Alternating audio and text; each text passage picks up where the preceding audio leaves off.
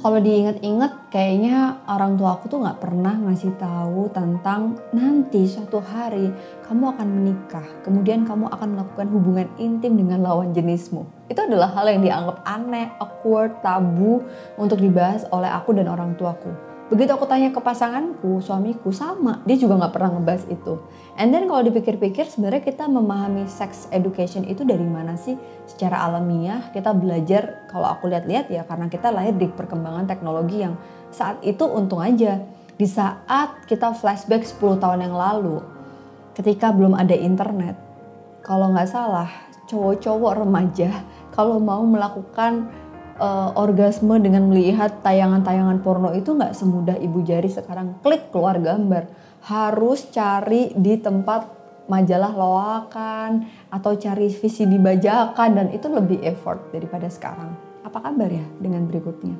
Oke teman-teman semuanya analisa channel Assalamualaikum. Aku pengen ngebahas tentang sesuatu yang mungkin sekarang uh, akan sangat relate belum lama ini aku habis posting tentang beberapa sexual disorder gitu ya atau gangguan-gangguan berlaku menyimpang seksual, perilaku seksual menyimpang dan banyak yang uh, terjadi di tempat umum bahkan mungkin juga tidak hanya tempat umum tapi juga di tempat yang tidak umum gitu. Sebenarnya apa sih yang harus kita lakukan sebagai pribadi dan mungkin juga sebagai orang tua gitu menyiapkan eh, anak-anak uh, kita supaya tidak jadi korban dan pelaku. Itulah yang menjadi pertanyaanku ketika mendengar beberapa kasus belakangan ini Terus terang kalau ditanya aku nggak pernah tuh dapat edukasi tentang seks, tapi aku menjaga diri, alhamdulillah Allah menjaga uh, dengan baik juga gitu. Tidak pernah dapat pengalaman terkait dengan pelecehan seksual atau perilaku penyimpangan seksual. Nah teman-teman, aku membaca beberapa referensi gitu ya. Kalau kita bicara tentang sexual disorder, ini macamnya ragamnya banyak banget di DSM-5. DSM-5 ini apa sih? Teman-teman googling aja deh DSM-5. Intinya ini adalah kitab suci para psikolog, para psikiater untuk melihat beberapa gangguan-gangguan mental yang ada di dalam uh, kehidupan manusia. Sexual dysfunction, sexual disorientation, termasuk parafilia yang sudah aku bahas minggu lalu, itu ada semua penjelasannya di situ. Nah, artinya sebenarnya kita bisa uh, mencari tahu nih dan untuk itu apakah umur juga mempengaruhi? Sangat mempengaruhi. Jadi gini teman-teman, aku bicara tentang pendidikan seks itu kita bagi menjadi empat tahap. Nah yang pertama teman-teman bisa lihat Instagramnya APDC Indonesia. Kami sempat review secara singkat. Kalau kalian habis nonton video ini langsung aja lihat feed Instagramnya APDC, cari tentang edukasi seks yang darurat. Nah jadi gini nih, untuk anak 0 sampai 5 tahun, ini tuh kayak biasanya mulai muncul pertanyaan yang agak aneh tuh anak umur 3 tahun. Mama, kok aku bisa lahir sih di dunia? Itu sebenarnya sudah bisa kita mulai ajarkan pendidikan seks loh.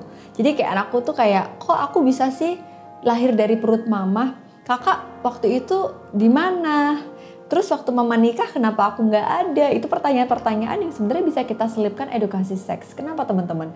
Kalau kita lihat tentang parafilia disorder atau gangguan uh, imagery seksual yang tidak lazim gitu ya. Ada yang namanya pedofilia. Jadi pedofilia ini adalah ketika ketertarikan seksual orang dewasa melihat anak kecil. Jadi kita harus menjaga anak kita supaya mereka sejak dini bisa melindungi diri mereka karena kita nggak tahu, kita nggak mungkin 24 jam uh, eh, 24 hours tuh kita jagain anak kita terus gitu kan. Mereka harus paham. Dan ini bekal yang sangat baik karena edukasi seks itu seperti edukasi yang lain. Kita harus bertahap ngasih tahunya nggak terus anak 4 tahun kita ajak ngobrol nanti kamu akan melakukan hubungan reproduksi. Ya nggak gitu juga kali gitu ya. Jadi kalau kita lihat di sini teman-teman, mulai umur 3 tahun itu biasanya anak mulai nanya, kok bisa sih aku keluar kalau nggak punya adik, kok bisa sih adik keluar dari perut mama. Itu jawablah dengan sesimpel mungkin, dengan sesederhana mungkin. Jadi kita cukup menyampaikan bahwa adik atau kakak itu lahir dari perut mama, kemudian karena mama sama papa menikah, nggak usah diceritain proses pembuatannya gitu ya. Dan akhirnya selama 9 bulan di dalam perut keluar deh kalian. That's it. Alihkan ke yang lain obrolannya. Nah, umur 5 tahun biasanya anak lebih kritis. Dia akan berpikir, kok bisa sih mah? Kenapa? Kita akan dikejar dengan pertanyaan-pertanyaan. Nah, saat itulah penting untuk kita memasukkan input tentang gini loh kak, kakak kan laki-laki, adik kan perempuan, mama kan perempuan, papa kan laki-laki. Nah perempuan sama laki-laki suatu hari akan menikah. Nah ketika menikah itu kita itu uh, bisa punya anak, that's it, sampai situ aja, nggak usah ceritain prosesnya. Dan mungkin bisa diselipin informasi seperti anggota tubuh mana yang berbeda antara perempuan dan laki-laki. Kalau kita lihat atau aku inget-inget anakku memang udah mulai agak-agak paham, terutama yang si kakak. Kalau misalnya mamanya pakai uh, baju yang bukan dipakai untuk keluar rumah gitu ya, misalnya di dalam rumah aku pakai uh, daster atau rok pendek gitu, dia sudah mulai bisa senyum-senyum atau misalnya kalau kita misalnya uh, adiknya keluar dengan pakaian handuk doang, adiknya kan cewek, itu dia udah mulai bisa punya satu yang kayak malu, terus mulai anak umur 5-6 ini kalau ganti baju di tempat umum mereka tidak nyaman. Nah itu artinya kita bisa masukin pelajaran tentang anatomi tubuh. Jadi umur 5 tahun ini tentang anatomi tubuh. Bagian mana yang harus mereka tutupi, Nah, bagian mana yang harus uh, mereka jaga, yang boleh disentuh orang lain dan yang tidak boleh disentuh orang lain. Setahu aku anak umur TK kecil itu ada lagunya di sekolah kayak anakku diajarin kayak bagian-bagian tidak boleh disentuh, bagian mana yang nggak yang boleh disentuh, siapa saja kecuali papa mama dan keluarga. Jadi sebenarnya pemahaman tentang aurat dan anatomi tubuh ini penting untuk anak umur uh, 5 sampai 6. Dan anak kita juga harus diajarkan tentang bagaimana cara merawatnya. Kalau habis pipis, apa yang harus mereka lakukan terhadap alat kelaminnya, alat genitalnya. Lalu kemudian juga kita bisa jelaskan uh, dengan gambar, misalnya bagian tubuh itu yang tidak boleh tersentuh orang lain, itu apa saja. Nggak apa-apa, dan kalau bisa di umur-umur 5-6 ini tidak hanya ngomongin seks saja ya, tapi ciptakan semua bentuk komunikasi kita dengan anak itu seterbuka mungkin. Terutama terkait dengan anatomi tubuh ini tadi. Jangan sampai anak kita merasa tabu atau merasa melindungi dia supaya dia tidak tahu, padahal sebenarnya keyakinan anak terhadap orang yang paling bisa dia tanya tentang sesuatu yang dia penasaran dalam otaknya itu adalah orang tua. Ciptakan situasi tersebut dan dorong mereka untuk speak up kalau memang ada sesuatu yang tidak sesuai dengan ajaran. Misalnya, mama kan udah bilang bagian ini nggak boleh dipegang orang lain. Kalau ada orang lain yang memegang alat kelamin anak kita, maka dorong dia untuk speak up ke kita. Kalau ada orang lain selain mama, papa, mbak, segala macam dan memaksa kamu dalam kondisi yang tidak lazim, maka kamu harus bilang ke mama ya. Itu harus disampaikan ke anak umur 6 tahun. Kenapa? Karena mereka akan bisa menjaga diri mereka ketika mereka nggak ada sama kita. Oke, berikutnya adalah pemahaman pendidikan seks untuk anak usia 6 sampai 12 tahun. Jadi di usia 6 sampai 7 tahun biasanya anak kita udah mulai paham tentang perbedaan laki dan perempuan yang lebih ekstrim lagi. Contoh misalnya kalau perempuan menggunakan hijab, laki-laki tidak. Lalu kemudian kalau perempuan ada bagian tubuh yang misalnya di bagian dada ada perbedaan tubuh dengan bagian laki-laki itu sudah mereka pahami. Beda dengan umur sebelumnya. Dan di saat inilah kita harus bisa memberikan pemahaman tentang aurat dan juga nilai-nilai agama yang lebih kepada anak kita. Di umur 8 sampai 10 biasanya anak mulai punya ketertarikan terhadap lawan jenis dan sampaikan kepada mereka bahwa kalau kamu suka sama temen kamu yang cewek, yang cowok, kamu harus cerita sama mama ya. Kenapa kamu suka? Biasanya alasannya ekstrim. Habis dia sukanya bawa coklat, dia soalnya pinter. Alasannya masih kayak gitu teman-teman. Dan aku kalau ingat-ingat juga itu terjadi pada aku waktu umur segitu kan. Pada kita semuanya. Nah sadari bahwa uh, buat anak kita sadar bahwa apa pun perubahan yang terjadi pada hidup mereka, orang tuanya lah orang yang paling tepat untuk mereka ceritakan. Ciptakan itu, kepercayaan itu. Di umur 10 sampai 12, Biasanya anak laki-laki mulai mimpi basah, anak perempuan mulai menstruasi pertama. Dan saat inilah anak kita mulai harus diajarkan tentang tanggung jawab, bagaimana dia harus menjalankan ibadah, sehingga dia tahu mana yang dosa, mana yang enggak. Ini juga penting teman-teman, karena itu paralel dengan pendidikan seks. Orang tua bisa memberikan pemahaman tentang, oh kamu itu udah puber. Jadi pubertas ini bisa diberikan input di saat umur 10 sampai 12. Ajarkan dia tentang sistem reproduksi yang sesederhana pelajaran biologi mereka jadi mereka harus tahu dan kasih tahu mereka apa akibatnya kalau mereka tidak bisa menjaganya karena sudah menstruasi maka ini kamu udah bisa hamil loh sayang kalau ada sesuatu yang terjadi kamu harus bilang sama mama karena artinya kamu sudah bisa menghamili dan kamu sudah bisa hamil dia akan bertanya kok bisa mah gitu kan tapi tenang aja pelajaran di sekolah biasanya akan memberikan pemahaman yang lebih membantu kita kok. Jadi tepat umur sekian, kalau emang anak kita udah menstruasi, udah mimpi basah, kita harus memberikan pemahaman tentang itu. Kayak Deddy Kobursya waktu itu nanya, di salah satu vlognya dia ngobrol sama anaknya. Kalau kamu lihat cewek, bagian apa yang kamu lihat pertama kali? Menurut aku, aku juga bercita-cita nih sama suamiku. Seru ya ngobrol kayak gitu sama anaknya. Kayaknya kalau dipikir-pikir aku sama suami tuh nggak pernah diajak ngobrol tentang sex education sama orang tua kita gitu loh.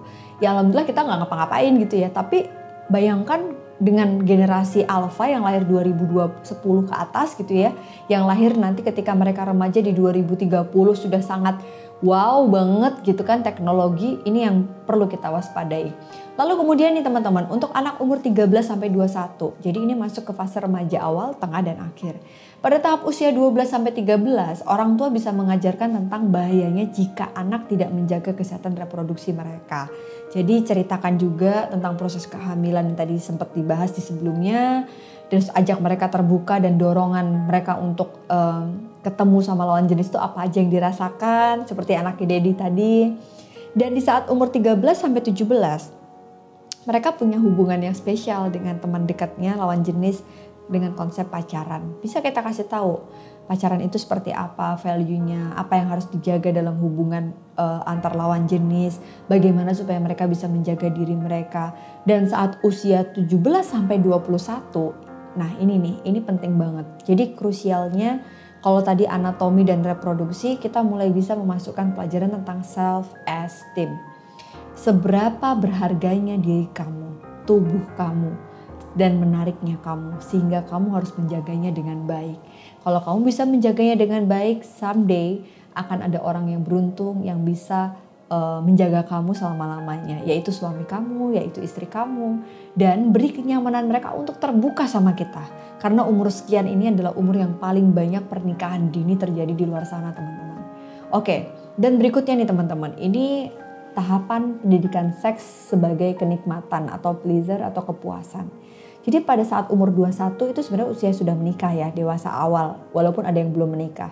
Tapi aku pengen menyampaikan di saat inilah uh, mungkin kita menganggap seks terutama bagi mereka yang belum menikah ataupun sudah menikah harus tahu seks yang menyenangkan itu seperti apa, komitmennya seperti bagaimana, bagaimana moral dan agama, dan ini akan berbeda dengan pasangan yang sudah menikah. Kalau tadi seks yang menikmati, yang nikmat sebagai kepuasan tertentu, yang lazim seperti apa dari cara menanggulanginya. Nah ini sudah menikah, kalau yang sudah menikah ini berarti bagaimana memahami seks sebagai alat komunikasi. So, equality antara pasangan suami dan istri itu harus ada dalam berhubungan seks. Istri nggak mau KB, suami pengen KB. Istri pengen KB, suami nggak mau KB.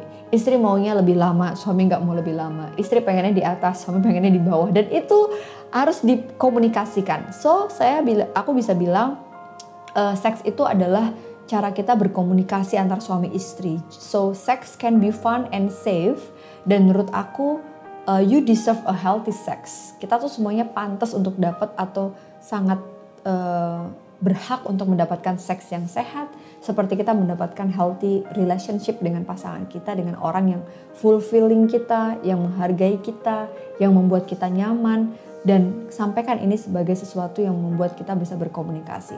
Nah, teman-teman, itu tadi tentang edukasi seks. Aku pengen kasih pemahaman uh, sekali lagi ke kalian semuanya. Kalau ada yang terjadi sesuatu yang tak lazim, seperti misalnya uh, suami aku kok dalam berhubungan seks seperti tidak ada equality ya mbak, kok dia sepertinya lebih lebih nyaman begini begitu artinya itu seks nggak menjadi fun buat kalian coba silahkan ke konselor ceritakan semuanya. Aku sih nggak bisa ngasih detail harus gimana ya di sini ya, karena setiap orang sangat individual differences banget, berbeda banget. Terus kalau misalnya kalian ngerasa kayaknya dia hypersex deh mbak Ana, itu normal nggak sih? Kayaknya dia itu nggak bisa orgasme deh mbak Ana, dia tuh ejakulasi dini deh. Itu apaan sih? Harus ke mana sih kita cari tahunya? Nah ini nih menariknya teman-teman. Kalian selain googling di internet, kalian juga harus memastikan lagi ajak ngobrol pasangan seks kita ketika kita sudah menikah. Kalau memang hypersex ini adalah persepsi kita, belum tentu persepsi dia. Jadi seks ini dijadikan sebagai alat komunikasi kalau kita sudah menikah. Yang belum menikah, Dorongan seksual itu pasti kan selalu ada. Tapi jangan lupa teman-teman, bagaimana kita menjaganya supaya seks kita sehat dan kita tidak merugikan siapa pun orang di luar sana. Aku yakin inilah kematangan emosi, inilah bagaimana kita punya satu nilai moral agama dan value hidup lainnya. Dan di situlah seks akan menjadi fun and health. Jadi seks yang aman, seks yang nyaman, seks yang sehat adalah seks yang pantas untuk kita semua manusia yang ada di dunia. Thank you teman-teman, aku agak keringetan ngomongin seks ya. Karena jarang-jarang kan kita ngebahas tentang sesuatu yang uh, cukup panas begitu ya. Tapi aku penting banget pengen ngasih tahu ke kalian semuanya supaya kita bisa menjaga diri kita dengan baik dan pelecehan seksual di mana-mana, tapi kita semua punya hak untuk bisa menjaga diri kita. Eh tapi jangan salah, pelecehan seksual bisa dilakukan juga dengan sesama jenis. Jadi itulah kenapa kita harus mengenali kelainan-kelainan apa saja sih yang terjadi supaya kita bisa mawas dan bisa menjaga diri kita dengan baik. Thank you dan nonton Ansa Channel. Kalau kamu emang pengen lebih tahu seperti apa edukasi seks ini, kita udah bikin review risamnya, rangkumannya di APDC Indonesia atau bisa follow Instagram aku di analisa.widianingrum. Bye, Assalamualaikum.